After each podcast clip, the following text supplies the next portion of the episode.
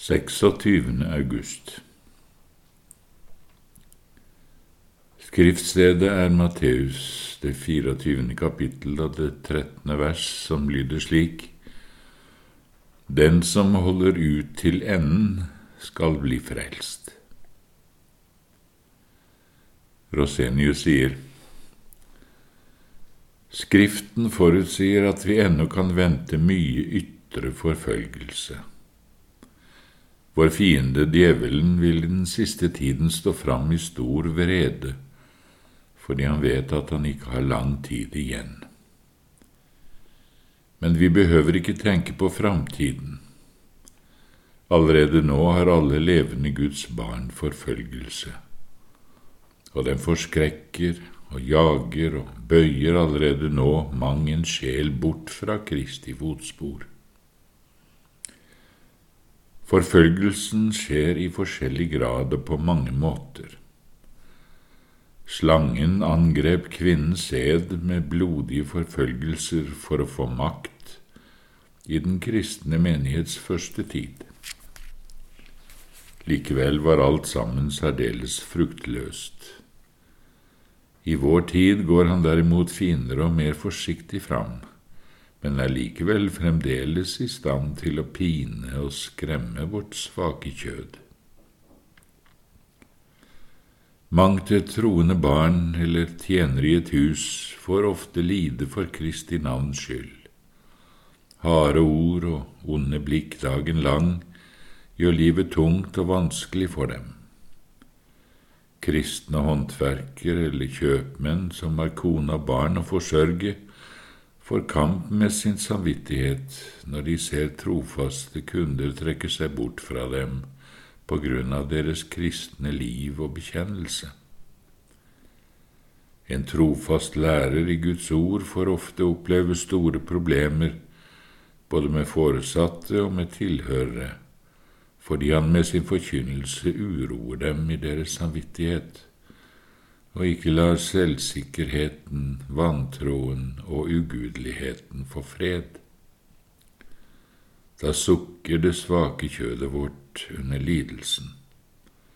Da kan det være fare for at vi viker unna og lager en egen, behageligere kristelig vei, så vi fortsatt kan få være i ro og følge fornuftens rådgivere som sier ta nå vare på deg selv dette må ikke skje med deg. Denne fristelsen opplever vi oftest særlig sterkt etter en markert forfølgelse. Når det verste er over og vi hviler ut etter kampen, når verden viser oss sitt blide ansikt. For en kamptrett sjel er dette en så fristende situasjon at det er et Guds under om vi da ikke blir bedratt. Men om dette skjer, behøver ikke bedraget nødvendigvis føre til at en totalt venner seg til verden. Nei, en jenker og tilpasser seg bare til nye og mer fornuftige prinsipper, så en forsøker å være venn både med Gud og verden samtidig. Da passer en seg for å gjøre det ene og det andre som verden ikke godtar men hva det er Kristus vil, og hvordan vi skal bli frelst, det spør vi ikke lenger etter. Derimot kan vi nå delta i både det ene og det andre som verden elsker, og nå bryr vi oss verken om Kristi ord og eksempel, eller om enfoldige sjeler tar anstøt av vår oppførsel.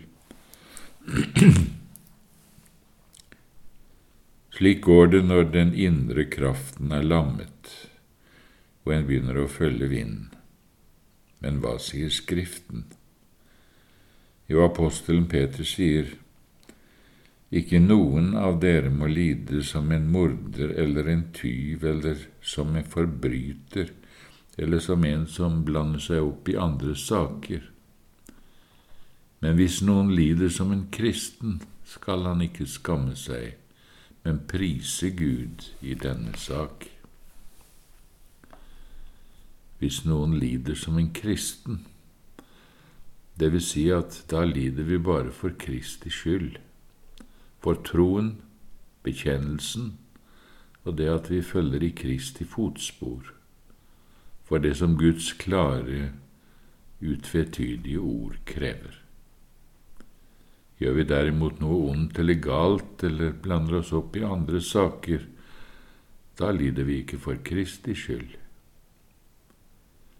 Men de som lider for Kristi skyld, har den aller største oppmuntring og trøst i Skriften.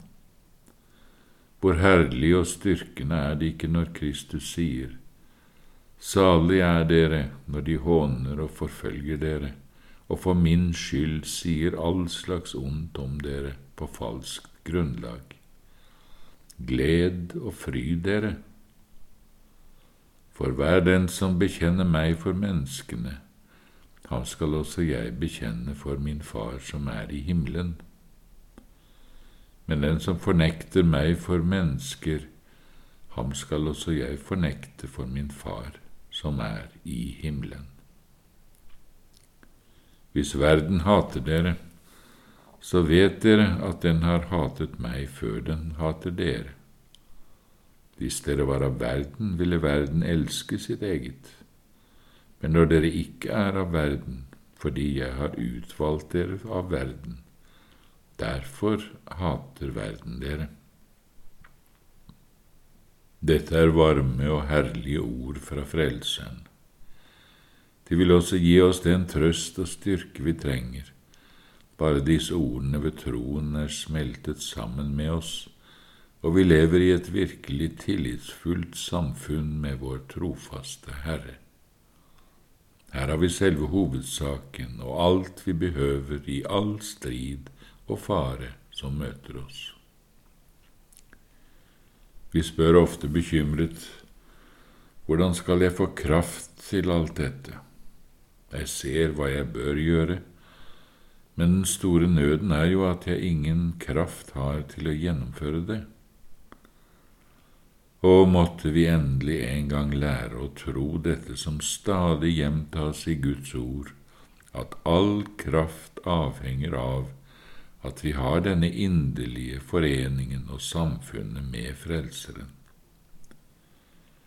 Det nytter ikke at du kjemper, ikke at du tenker på hvordan du skal seire i fristelsens time.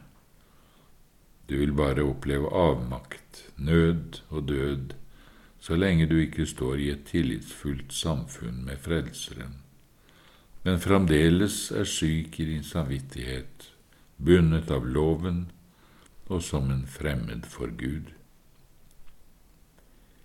Ingenting er derfor viktigere enn å få troens fulle visshet.